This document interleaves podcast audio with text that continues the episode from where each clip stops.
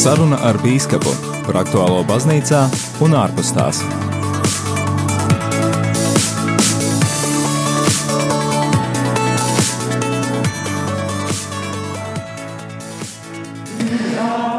Lai ir slavēts Jēzus Kristus, studijā Māris Veliks un priesteris Pēteris.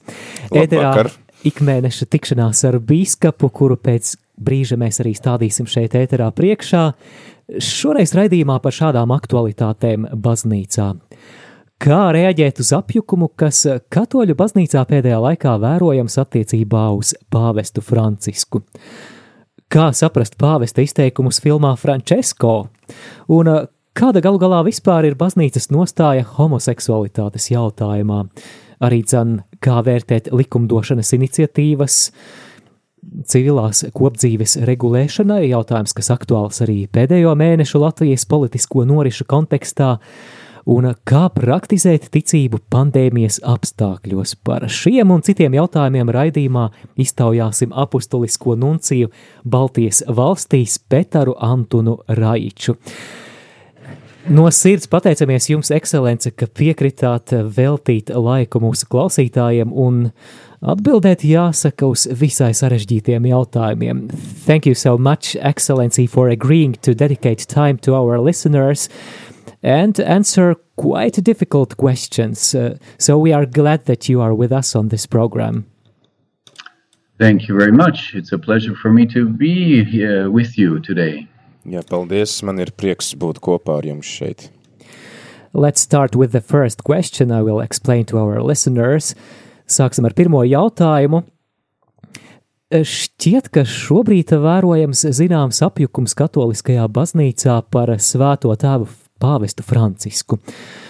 Līdz ar to jautājums, kā mums kā katoļiem būtu jārēģē, nu, piemēram, vai mums ir jāpieņem viss, ko pāvests saka, vai kur galu galā ir tā robeža, kur es drīkstu nepiekrist pāvestam, tajā pašā laikā saglabājot vienotību ar baznīcu, un arī saistīts jautājums ar to, ko darīt, ja mani kristiešu draugi vai pat manas draudzes prāvests izsakās pret pāvestu.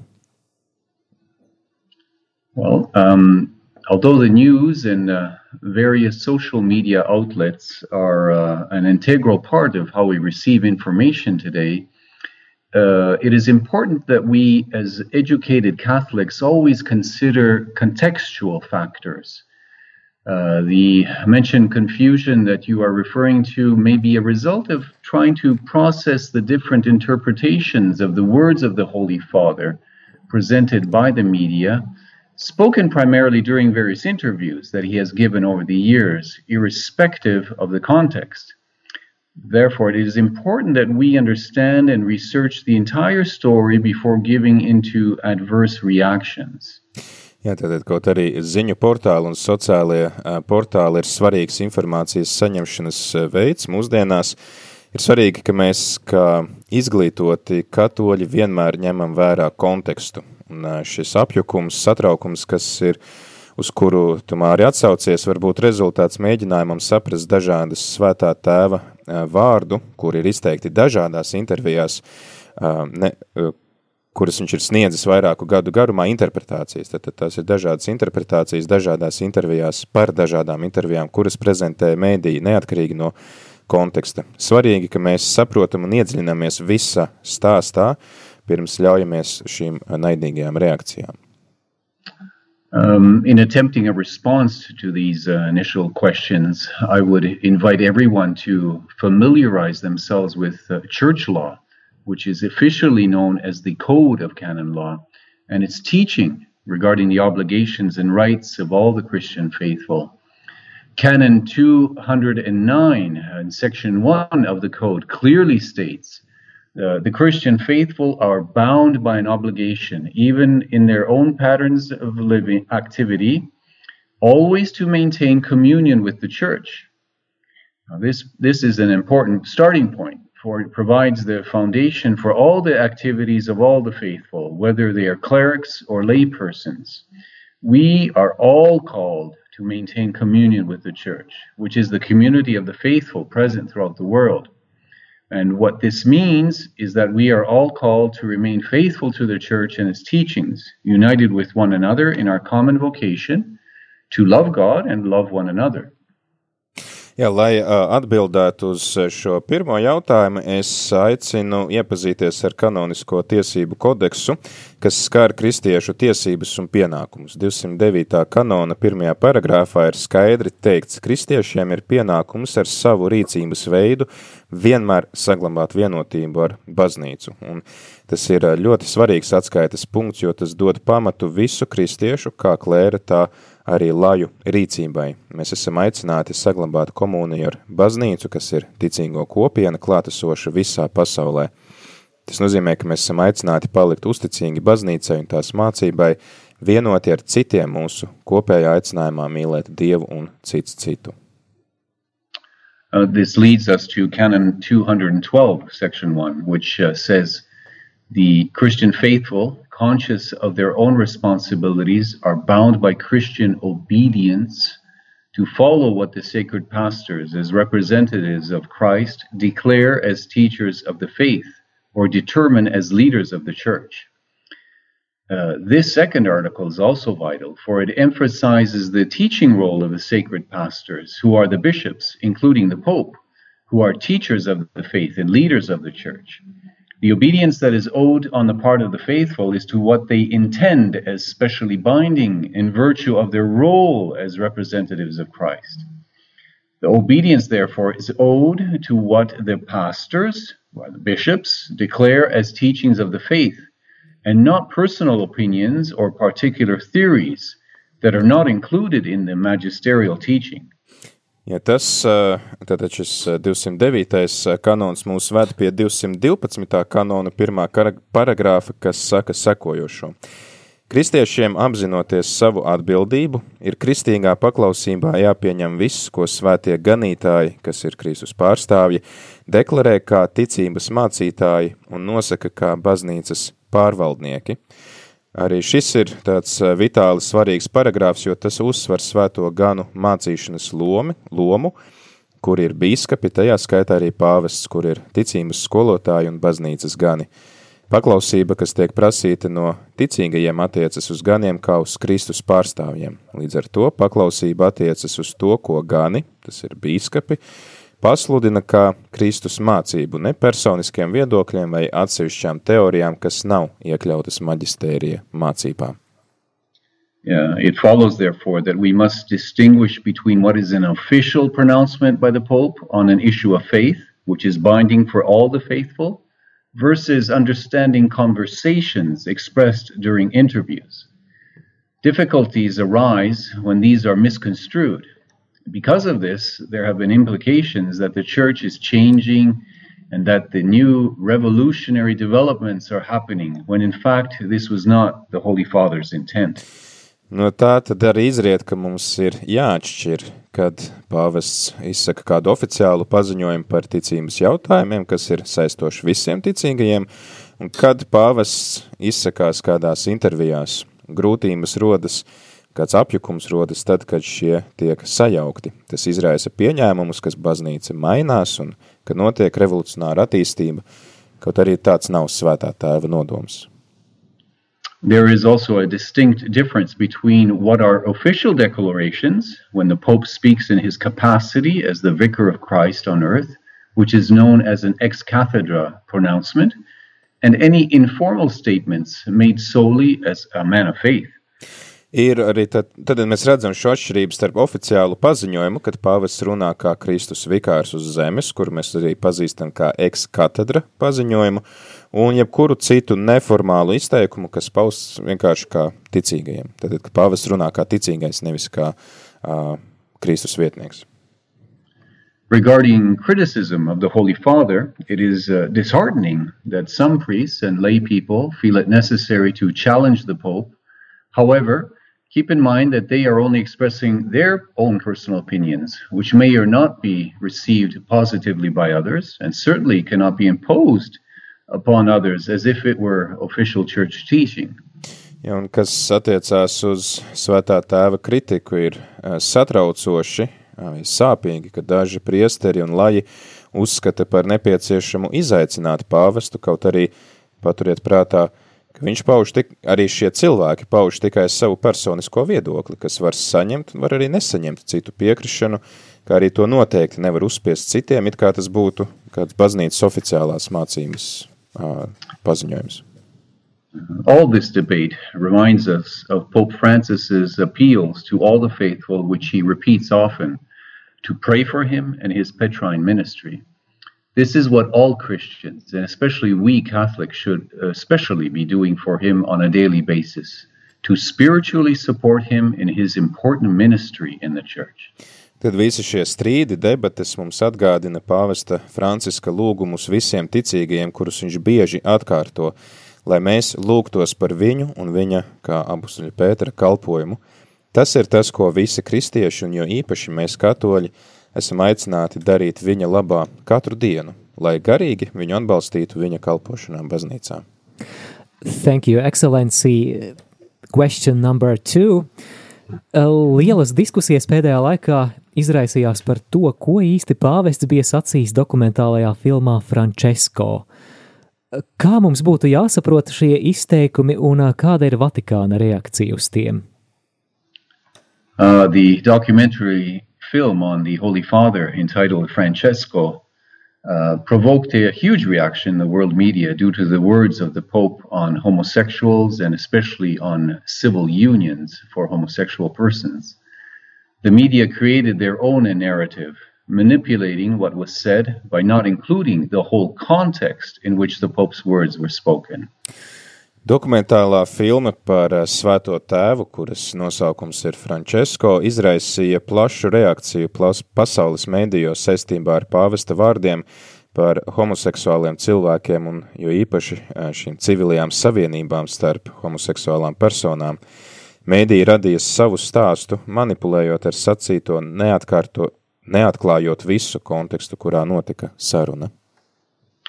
Uh, the Holy See sent an explanatory note to all the bishops' conferences of the world through the nunciators to clarify what was said and, importantly, to provide the background or context in which these statements were made. The bishops of Latvia have been informed, and hopefully, they have already provided some explanations in Latvian. Svētais krēsls ir izsūtījis paskaidrojumu visām pasaules bīskapu konferencēm caur nunciatūrām, lai paskaidrotu, kas tika sacīts, un būtiski arī tad izklāstītu to fonu, kontekstu, kurā šie vārdi ir sacīti. Arī Latvijas bīskapi ir informēti un ir sagādājuši paskaidrojumus arī latviski. I, in brief, I would mention that the intention of the aforementioned note was to offer clarifications on the issue. The Pope was asked two different questions on two different occasions, which were presented in the documentary film as a single answer without providing the proper context. Regarding the Pope's assertion that homosexuals have the right to be part of the family, they are children of God and have a right to a family, nobody should be thrown out or be made miserable because of it, uh, this was a reference to the pastoral need that within the family, a son or daughter with a homosexual orientation should never be discriminated against. This reflects the Holy Father's special concern that no one ever be discriminated against or shunned from their biological family because of their sexual orientation. Īsumā es eh, pieminēšu, ka iepriekš minētā paskaidrojuma mērķis bija izskaidrot problēmu. Pāvestam tika uzdoti divi dažādi jautājumi divās atsevišķās situācijās, kas filmā, filmā tika prezentēti kā viena atbilde bez atbilstoša konteksta. Kas attiecas uz pāvesta apgalvojumu, homoseksuāliem cilvēkiem ir tiesības uz ģimeni, viņi ir dieva bērni un viņiem ir tiesības uz ģimeni, neviens nedrīkst tikt izmests vai nolikts nožēlojumā stāvoklī, Tā ir atsauce uz pastorālu nepieciešamību, lai ģimenē dēls vai meita ar uh, homoseksuālu orientāciju nekad netiktu diskriminēti. Tas arī atspoguļo svētā tēva īpašās rūpes par to, lai neviens nekad netiktu diskriminēts vai izslēgts no savas bioloģiskās ģimenes savas seksuālās orientācijas dēļ. The second question dealt with the Pope's remarks on civil cohabitation of same-sex partners. Which was proposed in a civil law in Argentina when he was Archbishop of Buenos Aires. He then affirmed that it is an incongruity to speak of homosexual marriage, adding in the same context that he had spoken about the rights of these people to have certain legal protection. Further on, he added, What we have to have is a civil union law. That way they are legally covered. I stood up for that. Jā, tātad otrs jautājums, kas skar pāvesta piezīmi par vienzimumu pāru civilu kopdzīvi, kas tika piedāvāts Argentīnas civila likumā, kad viņš bija Buenos Aireses arhibīskaps, tad toreiz viņš apstiprināja, ka ir neatbilstoši runāt par homoseksuālu laulību, piebilstot tajā pašā kontekstā, ka viņš ir runājis par šo cilvēku tiesībām, kas sniedz noteiktu legālu aizsardzību. Tālāk viņš pieminēja, kas mums ir nepieciešams, ir tātad šīs civilās kopdzīves likums, un šādi tad šie cilvēki ir legāli aizsargāti, un es par to arī iestājos. It is evident, therefore, from this statement that Pope Francis was referring to certain provisions made by states, and certainly not to the doctrine of the Church, which he has reaffirmed numerous times over the years. The Pope, therefore, was not making any official statement nor was it an endorsement of so called civil unions for homosexuals, as presented by the world media. Uh, jā, tad, tad mēs līdz ar to redzam uh, no šī izteikuma, ka pāvests Francisks atsaucas uz noteiktu regulējumu, ko nosaka valsts un noteikti ne baznīcas doktrīna, kuru viņš ir apstiprinājis vairāk kārt gadu garumā. Tad pāvests neizteica oficiālu paziņojumu, tāpat arī tas nebija iedrošinājums tās sauktajām civilajām uh, uh, homoseksuālu cilvēku savienībām, kā tās atspoguļo pasaules mēdīji.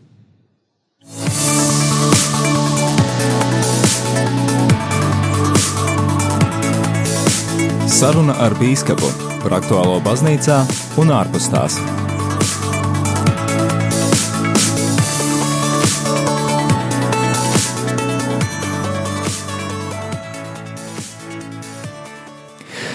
Dargo klausītāji, atgādinu, ka šoreiz sarunā ar bīskapu apustuliskais nuncijas Baltijas valstīs arhibīskaps Petars Antons Raičs un atgādinu arī, ka tev klausītāji ir iespēja iesaistīties šajā raidījumā ar saviem komentāriem, ar saviem jautājumiem, tādēļ atgādināsim kontaktu informāciju. Ja vēlies studiju sazvanīt, numurs ir 67 969 131.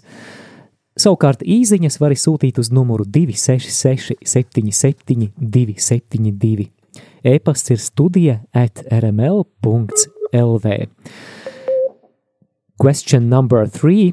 Trešais jautājums. Parunāsim par Latvijas kontekstu, jo Latvijā nesen tika virzīts priekšlikums par uh, likumu, kas eh, regulētu civilās kopdzīves eh, savienības. Tātad runa ir par šo iniciatīvu visu ģimeņu aizstāvībai, kas gan tika saimas noraidīts. Eh, kā mums būtu jāvērtē šādi likumi? Vai mums jāiestājas pret, vai arī mums jāplūko katra problēma uh, Atsevišķi, atsevišķi attiecībā uz tiem, kuri dzīvo kopā un iespējams meklē kādu, iespējams varbūt meklēt kādu īpašu risinājumu katrai konkrētajai situācijai atsevišķi. Un saistīts jautājums arī, vai tas nozīmē, ka cilvēki, kuri atbalsta civilās kopdzīves likumus, atbalsta arī kopā ārpus laulības dzīvojošo grēku. I believe it's important to first define what is meant by a civil union. The general consensus is that a civil union is a legal relationship between two people that provides legal protections to the couple only at the state level.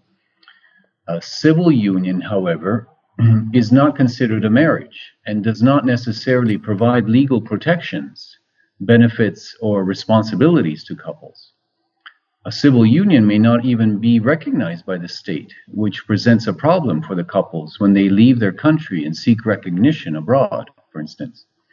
Civil unions have been established in some countries primarily as an alternative for same sex couples where marriage was unavailable. Certain countries, though, have already uh, legalized same sex marriages, which started out as simple civil unions.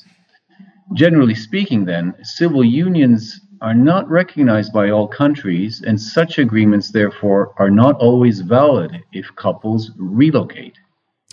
Uh, ir nepieciešams vispirms tad uh, vienoties par definīciju, ko mēs saprotam ar civilo kopdzīvi. Uh, vispārējā izpratne ir tāda, ka ko, civilā kopdzīve ir tādas uh, likuma kontrolētas attiecības starp diviem cilvēkiem, kas nodrošina likuma aizsardzību pāriem tikai valsts līmenī. Civila kopdzīve tomēr vai šī civilā savienība netiek uzskatīta par laulību un nenodrošina legu, tādu likuma aizsardzību vai priekšrocības vai arī atbildību, kāda ir laulātiem pāriem. Civila, civilā savienība pat var netikt atzīta no valsts, kas rada problēmu, ka pāri pamet valsti, lai meklētu atbalstu citvieti. Kopdzīves šie likumi dažās valstīs ir pieņemti kā alternatīva vienzimuma pāriem, kur laulība nav iespējama. Savukārt dažas valstis ir legalizējušas vienzimuma laulības, kas sākotnēji tika izvirzītas kā vienkārši civila, civilā savienība. Vispārīgi runājot, civilas savienības netiek atzītas visās valstīs, un šādas vienošanās līdz ar to nav derīgas, ja šie pāri maina savu dzīves vietu. I have been asked before uh, also uh, why why is the Catholic Church concerned about civil unions or civil marriages when they are not considered true sacramental marriages? The Church cares about the truth of marriage, even in civil law, because marriage is a fundamental good that is a that is foundational to society. Uh, following the example of Jesus, the Church cares about the whole person and about all people. Therefore, the introduction into civil law of a false understanding of marriage and human sexuality brings about confusion. People already suffer because of family breakdown in situations of divorce, growing up without a father, domestic violence, substance abuse, and so on. Ja man, ir, uh, man ir jautājuši, kāpēc katoļu baznīca raizējas par kopdzīves šīm kopdzīves likumu, šīm civilajām savienībām, uh, vai civillaulībām, kad tās tāpat netiek uzskatītas par sakramentālām laulībām. Baznīcai rūp patiesība par laulību arī civil likumā, jo laulība ir fundamentāls labums, kas ir visas sabiedrības pamatā.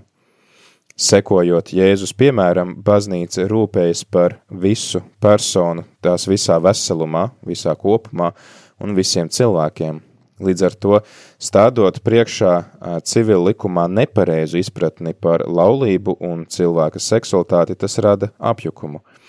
Ļaudis jau ļoti cieši ģimeņu izjukšanas dēļ, ko izraisa šķiršanās, uzaugšana bez tēva, vardarbība ģimenēs, vielu lietošana un tā tālāk. Laulībai ir publiska nozīme, un tā ir publiskas sekas, jo tā likumā vieno bērnus ar viņu tēvu un māti. Uh, marriage has uh, public significance and public consequences because it unites children in the law to their mother and father. Marriage, to include two men or two women, is a redefinition of marriage.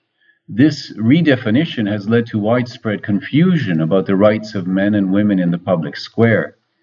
Meanwhile, one thing that is not confusing is that we, uh, which we know from the book of Genesis in the Bible that God created us as male and female, and that He united Adam and Eve in a permanent bond of love and fidelity, in which they were empowered to be fertile and multiply, and to fill the earth and subdue it.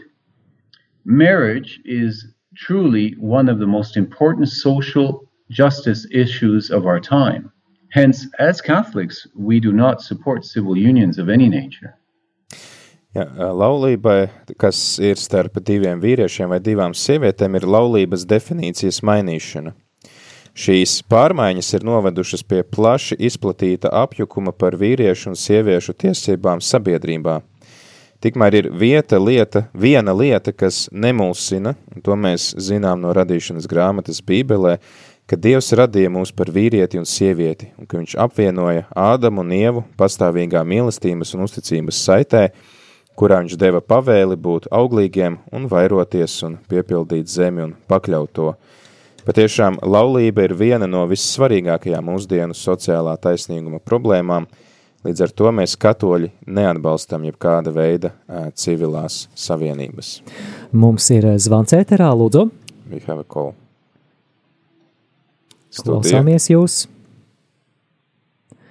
Jā, klausītājs acīm redzot, nebūs sagaidījis jautājumu. Tātad, ja jūs sazvanāt un ja dzirdat telefonā ēteru, tad palieciet, noteikti mēs dosim jums vārdu. Mēs ļausim vienkārši bīskapam pabeigt sakām un tad laidīsim citus pie sakamā. Savukārt šajā brīdī īsa mūzikas pauze, pēc kuras būsim atpakaļ, lai turpinātu sarunu ar apustulisko nunciju Baltijas valstīs.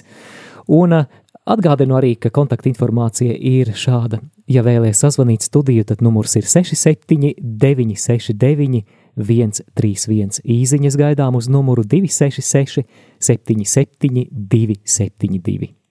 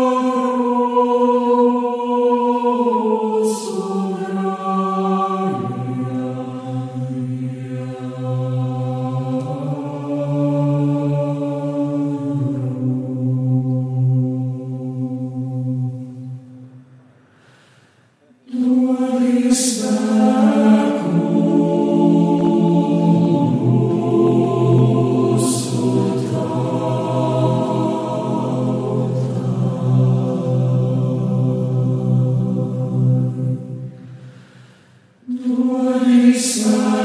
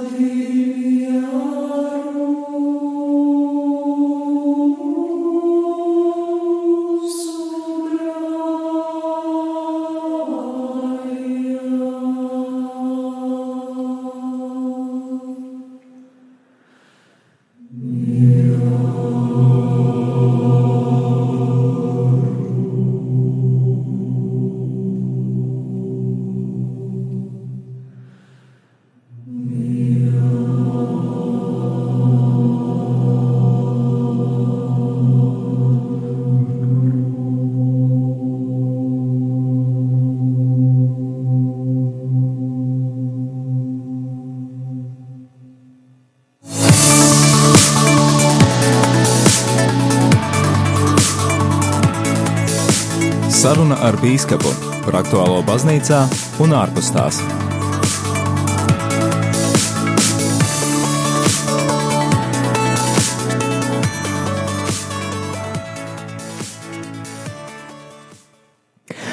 Esam atpakaļ ēterā, turpinām raidījumu saruna ar bīskapu un atgādinu, ka šoreiz mūsu saruna biedrs ir apustuliskais nuncijas Baltijas valstīs arhibīskaps Petars Antuns Raičs. Atgādinām par jūsu iespēju uzdot nuncijam arhibīskapam savu jautājumu.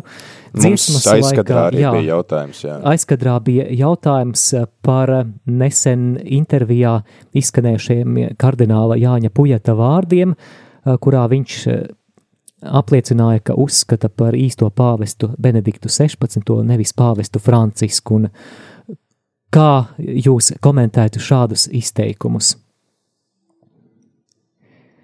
Okay, I think, can yes, you translate so, that for me? Uh, yeah. The question was uh, from our listener uh, to comment on uh, the cardinal's statements that he considers the true pope to be Benedict XVI, not mm -hmm. Pope Francis.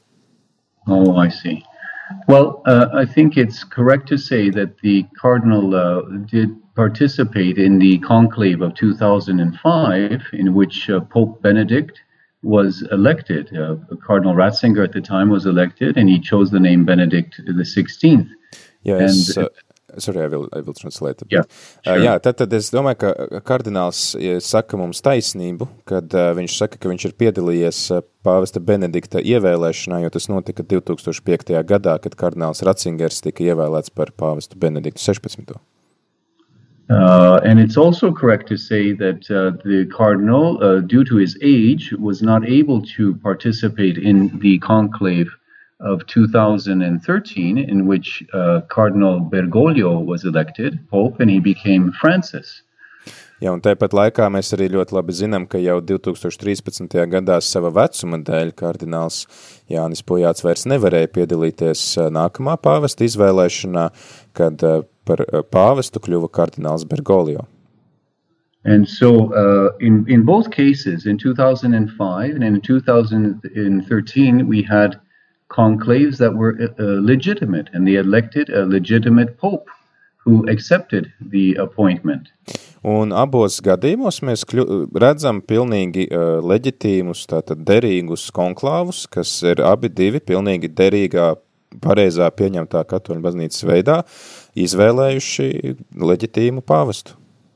Exactly. So I should have said instead of appointment, their election, they were elected popes. So uh, today, uh, the Pope is Pope Francis. He is a legitimately elected Pope of, tad, of the Church. Un tad tās ir vēlēšanas. Pāvests Francisks ir pilnīgi leģitīmi ievēlēts pāvests Francisks mūsu baznīcai. And uh, therefore, and even Pope Benedict has said afterwards that uh, he would uh, just prefer to be called the Pope Emeritus. And that uh, there is only one pope, and that is Pope Francis at this point. Jā, un arī pats Pāvests Benedikts atzina to, ka viņš tagad tiek saukts par uh, Benedikt, uh, pāvestu er, emeritus, kas nozīmē tātad, nu, atvaļināts pāvests, un uh, vienīgais pāvests šobrīd ir pāvests Francisks. And uh, this is why I think we go back to what I said earlier that uh, we have to pray for we have to pray for our current reigning pope, Pope Francis, and we can always pray for the health of our uh, elderly Pope, Pope Emeritus uh, Benedict as well. Jā, un šeit tad es atkal varu tikai nonākt pie raidījuma sākumā izteikta atgādinājuma, ka mēs esam aicināti lūgties gan par patreizējo pāvestu Francisku, gan arī par uh, jau nu, gados veco mūsu iepriekšējo uh, pāvestu Benediktu par viņa veselību. And but what we as clerics have to keep in mind always, uh, priests, bishops, everyone that in the Holy Mass too, we are all obliged to mention the name of the reigning Pope in the Eucharistic prayer, so that we pray for our Holy Father, Pope Francis, in every uh, celebration of the Eucharist. Un tāpēc atgādinu arī klēra pārstāvjiem, tad, tad bīskapiem, priesteriem, ka tad, kad mēs svētajā misē pieminam pāvestu, tad mēs, mums ir pienākums pieminēt patreizējo pāvestu, tas ir pāvests Francisks. And this is also true that in the same Eucharistic prayer, we pray for our local bishop. Uh, for instance, in Riga, we would pray for Archbishop uh, uh, Zbignev's uh, we cannot pray, we don't mention the name of Cardinal Yanis anymore. He is no longer the, the archbishop. Now we have Archbishop Zbignievs, and this is perfectly normal uh, procedure and the, the way of praying in the liturgy of the church. Ja, tātad tā ir tāda pilnīgi normāla pieņemta prakse baznīcas liturģijā, jo tajā pašā euharistiskajā lūkšanā, kur mēs lūdzamies par pāvestu, mēs arī lūdzamies par vietējo bīskapu, un, piemēram, Rīgas diecēzē mēs šobrīd eh, šajā lūkšanā pieminam patreizējo uh, bīskapu uh, Zbigņevu, nevis iepriekšējo uh, bīskapu Jāni. Okay, I think that uh, I've responded to that question, I believe. I, I think, yes. Thank you very much. Jā, tad mēs turpinam ar nākamo jautājumu. Question number four. Ceturtais jautājums. Kāda ir baznīcas nostāja jautājumā par homoseksualitāti? Vai tas ir grēks būt par geju un kā mums būtu jāuzņem geji mūsu?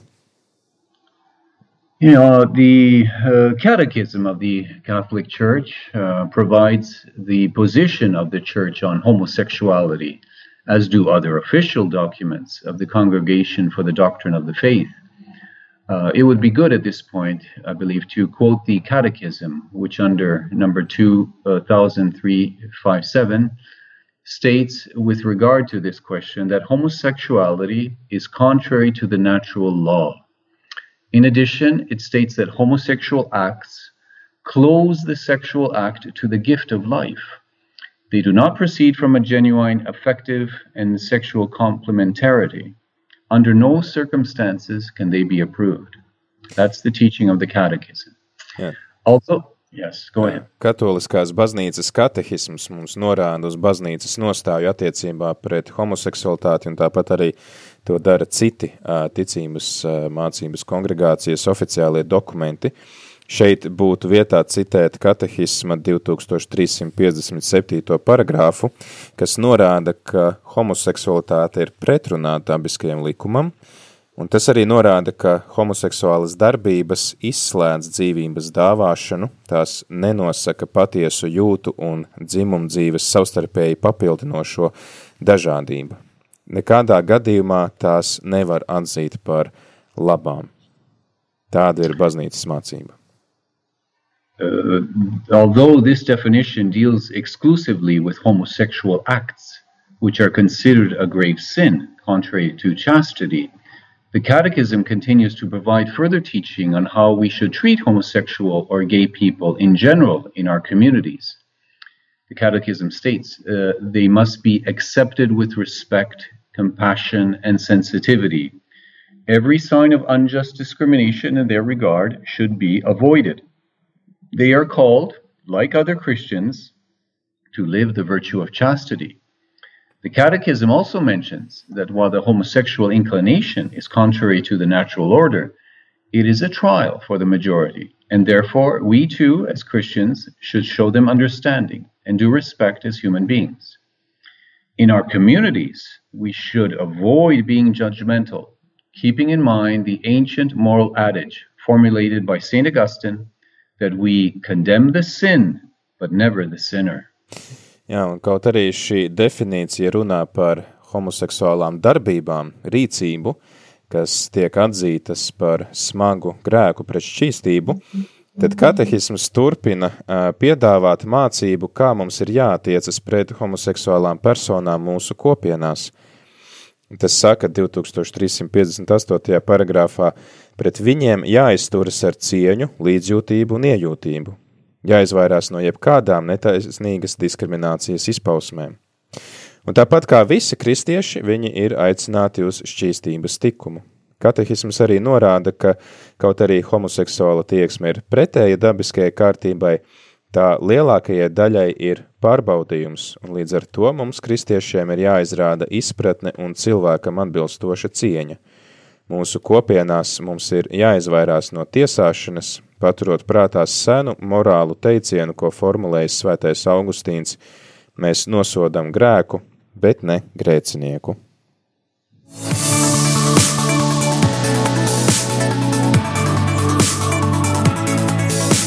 Saruna ar bīskapu par aktuālo baznīcā un ārpus tās.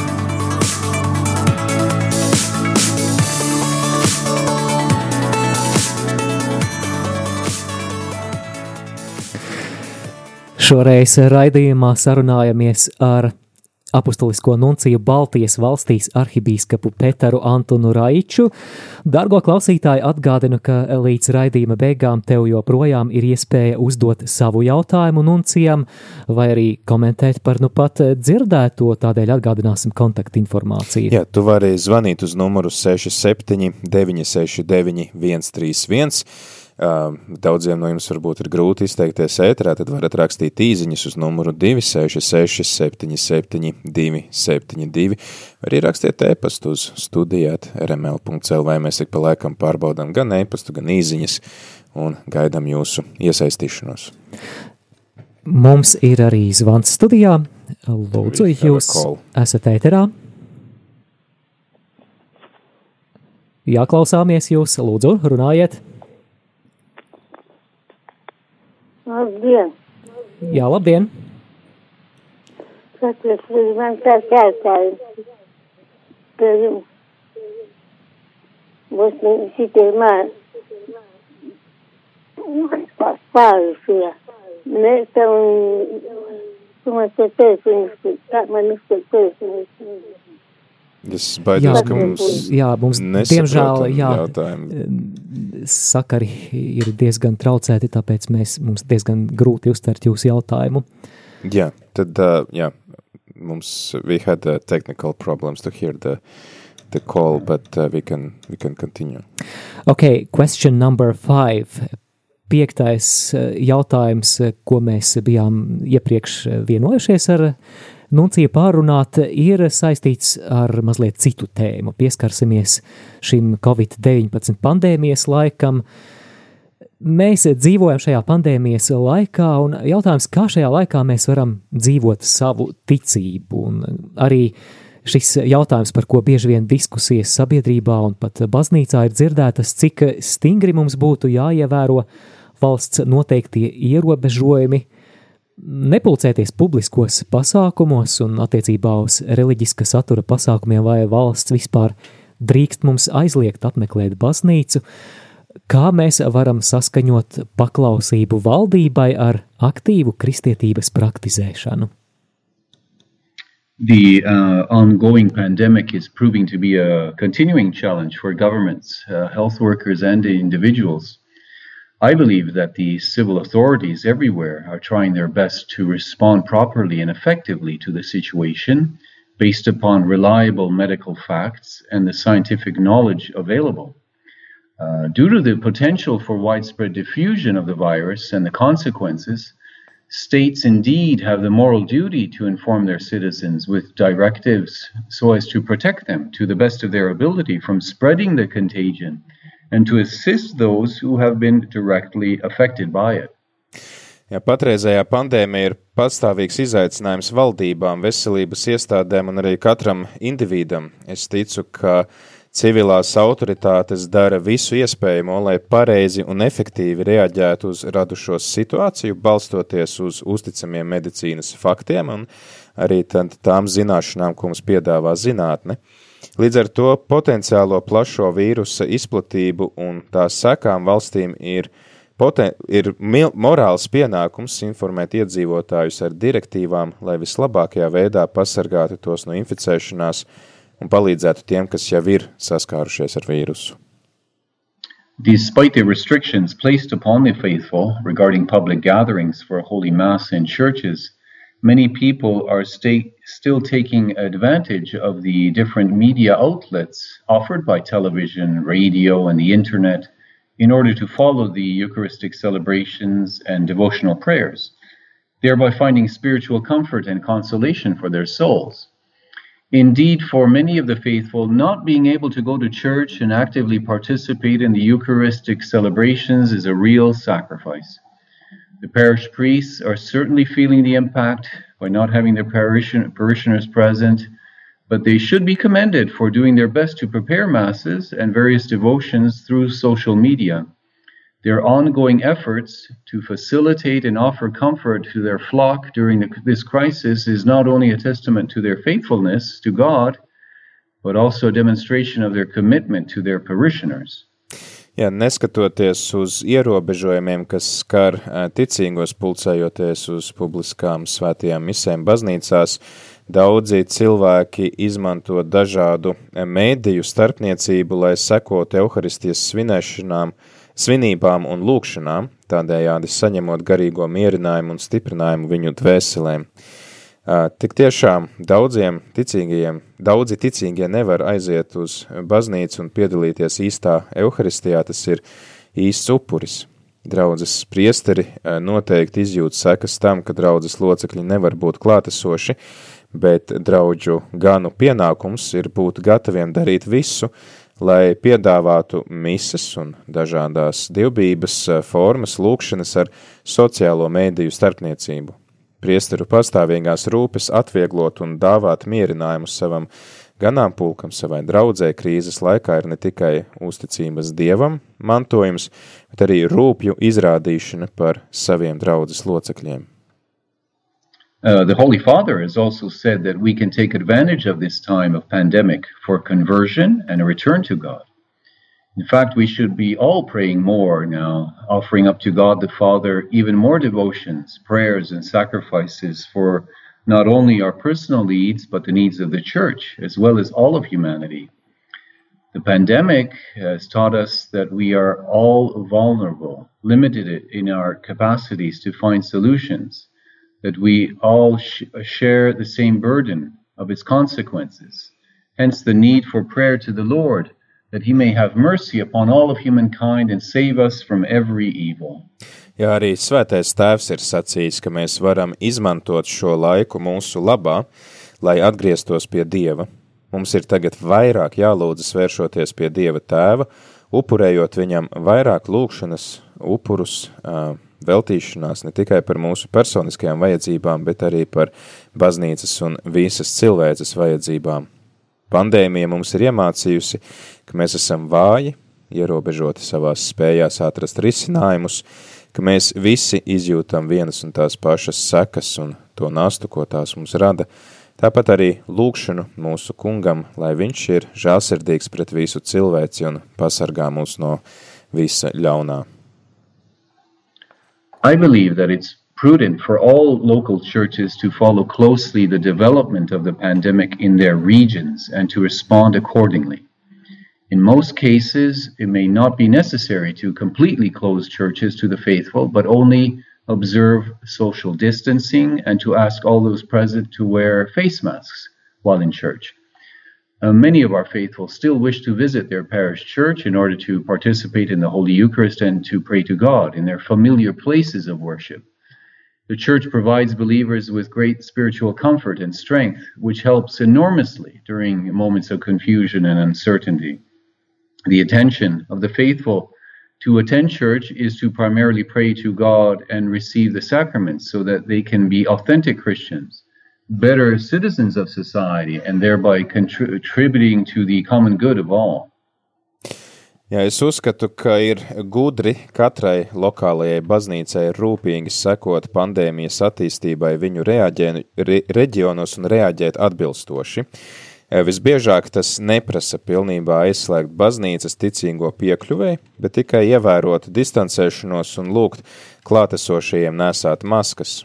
Daudzi no mums vēlas apmeklēt draudzes baznīcu, lai piedalītos svētajā evaharistijā un lūgtu Dievu savās ierastajās lūkšanu vietās. Baznīca atbalsta ticīgos ar lielu garīgu mierinājumu un stiprinājumu, kas ārkārtīgi palīdz apjukuma un nedrošības laikā. Ticīgo nodoms apmeklēt baznīcu pirmkārt ir, lai lūgtu Dievu un saņemtu sakramentus, lai viņi varētu būt autentiski kristieši, labāki pilsoņi, līdz ar to arī spējīgi rūpēties par visu kopējo labumu.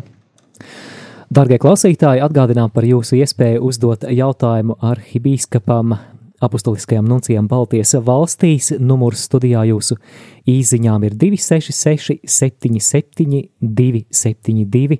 Savukārt, ja vēlaties sazvanīt studiju, tad 67 969 131. We have a question from our listeners.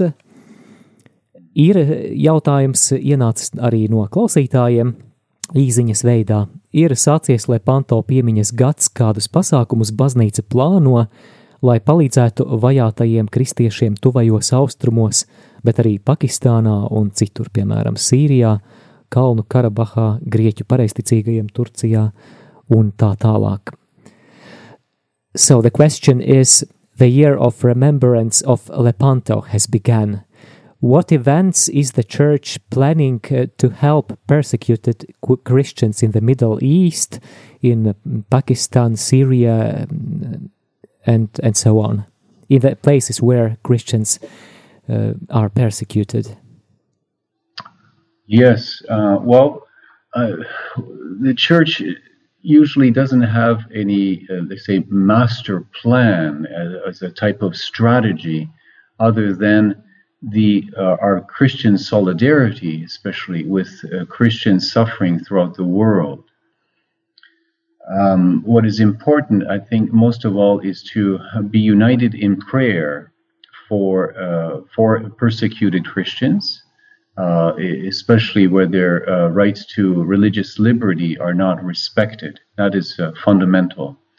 And then, yes, go ahead. Yeah. Uh, uh, baznīcai nav tāda vispārējā tagad plāna, kas visiem būtu jāievēro šīm akcijām, bet es domāju, ka tas galvenais kā mēs varam būt vienoti ar vajātajiem kristiešiem visā pasaulē, ir lūgties par viņiem un lūgt par tām vietām, kur nav reliģiskās brīvības, kur netiek ievērotas visu cilvēku tiesības.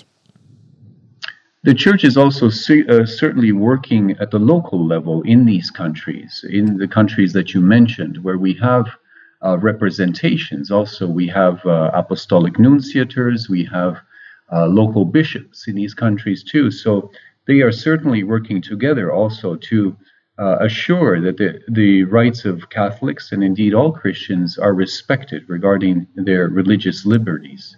Jā, bet uh, tas, uh, ko baznīca dara, tā tad ir uh, lokālā līmenī arī šajās jūsu nosauktajās vietās, ir baznīca klātesoša caur nuncijiem, caur arī bīskapiem, vietējiem bīskapiem, un tad viņi ir tie, kas sadarbojas un rūpējās par to, lai visu katoļu un, un arī visu kristiešu tiesības tiktu ievērotas konkrētajā vidē. Uh, another way that we can help and participate is, uh, as I mentioned earlier, with, through prayer. but even through informing uh, the wider uh, Christian community in our own uh, uh, parishes, in our own dioceses, in our countries as well, and also uh, sending help, uh, concrete help through um, charitable donations for the local churches in these countries. In many cases, these are countries where people the, the people are living in very poor conditions also, and they need uh, signs of solidarity and help from other uh, brothers and sisters in the faith. And this is also a good way to show them support. Jā, un uh, es jau arī iepriekš minēju, ka tad, tāds konkrēts veids, kā mēs varam atbalstīt, ir lūkšana, bet arī tāds labs atbalsta veids ir uh, informēšana, ka mēs informējam savas draudzes, savas diecēzes, uh, tad plašāku kristiešu loku par to, kas notiek ar mūsu ticības brāļiem un māsām. Un arī tad mēs varam viņiem sūtīt palīdzību, atbalstu, savus ziedojumus, jo bieži vien tad arī šīs baznīcas ir ļoti nabadzīgas. Okay. I believe I've answered that, yes. that question as well. Yeah. Thank you, Excellency. I think we have the, the last uh, minutes and. So, mm -hmm. yes, uh, so number seven Vai jūs, ekscelents, varbūt sarunas noslēgumā vēlaties eh, kaut ko piebilst vēl klausītājiem? Yes, okay. I think um, what's important at this time, since we don't have um, much time left, is just I would like to remind uh, people of the uh, Pope Francis's homily, which he gave on the 27th of March this year at the outset of the pandemic. Jā, tad tas, ko es eh, gribu, ka mums nav daudz laika, tad es gribētu atsaukties uz pāvesta Franciska vārdiem, ko viņš sacīja 27. martā, kad pandēmija bija sākusies. Uh, in this homily, the Pope reminded all of us of the importance of keeping the faith, trusting in God's providence, not losing hope, and continuing in fraternal charity. Jā, tad, tad pāvests mums atgādināja saglabāt ticību, uzticēties uh, Dieva providencei, uh, saglabāt cerību un uh, turpināt arī būt žēlsirdīgiem vienam pret otru, tātad šīs žēlsirdības darbu veikšana. The Pope um, quoted the words of Jesus from Mark's Gospel uh, in not to be afraid. Ja pāvests citēja vārdus no Marka evaņģēlija, ne, nebaidieties. And, and with these words of the Holy Father, I would like to invite everyone listening to pray for the church, to pray for the intentions of the Holy Father, and for an end to the pandemic, as well as our personal needs, that God have mercy on us all.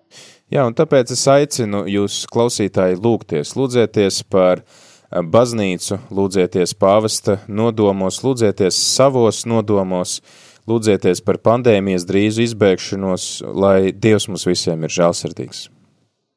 Yeah. And uh, I think it's uh, it's a good thing to do now as we conclude our liturgical year. Next Sunday will be the, the feast of uh, Christ the King.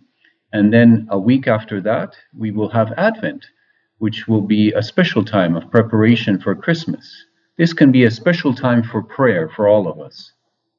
Jā, un mēs arī noslēdzam drīz liturģisko gadu, jau nākamā svētdiena ir Kristus karaļa svētki, un pēc tam jau pirmā advente, un arī šo adventa laiku mēs varam izmantot kā tādu labu laiku, lai īpašu uzmanību pievērstu tieši lūkšanai. And so I would like to personally thank uh, you at uh, uh, Radio Maria Latvia for inviting me to talk today to you. This is the first time I've been able to Well, not the first time, actually. Second, second time. Second time, right? Second time that we're having. A, yeah, thank you for reminding me uh, to speak to Radio Maria Latvia, and I'm very glad that you have uh, many people following this radio program.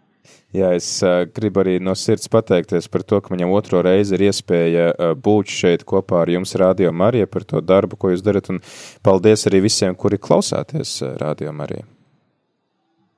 Yeah. So, Archbishop, maybe we can uh, ask your blessing to our listeners, and then we, in two minutes, we go on air with the with the Holy Mass. Okay. Very good. Yes. Well, may Almighty God bless all of you who are listening to this program and all your loved ones. Uh, as I said, uh, we are all part of the church. We are all part of one family, family of believers. And for this reason, I would like to bless all of you In the name of the Father, and of the Son, Dēla, and of the Holy vārdā. Amen. Amen. Jā, tad, tad uh, bīskaps sveitie visas mūsu ģimenes, mūsu katru uh, un uh, deva savu apustulisko svētību. Paldies. Thank you, Excellency. Atgādinu, ka šī bija saruna ar apustulisko nunciju Baltijas valstīs arhibīskapu Peteru Antonu Raiču, un šeit studijā bijām mēs Māris Veliks un, un priesteris Pēteris Skudra.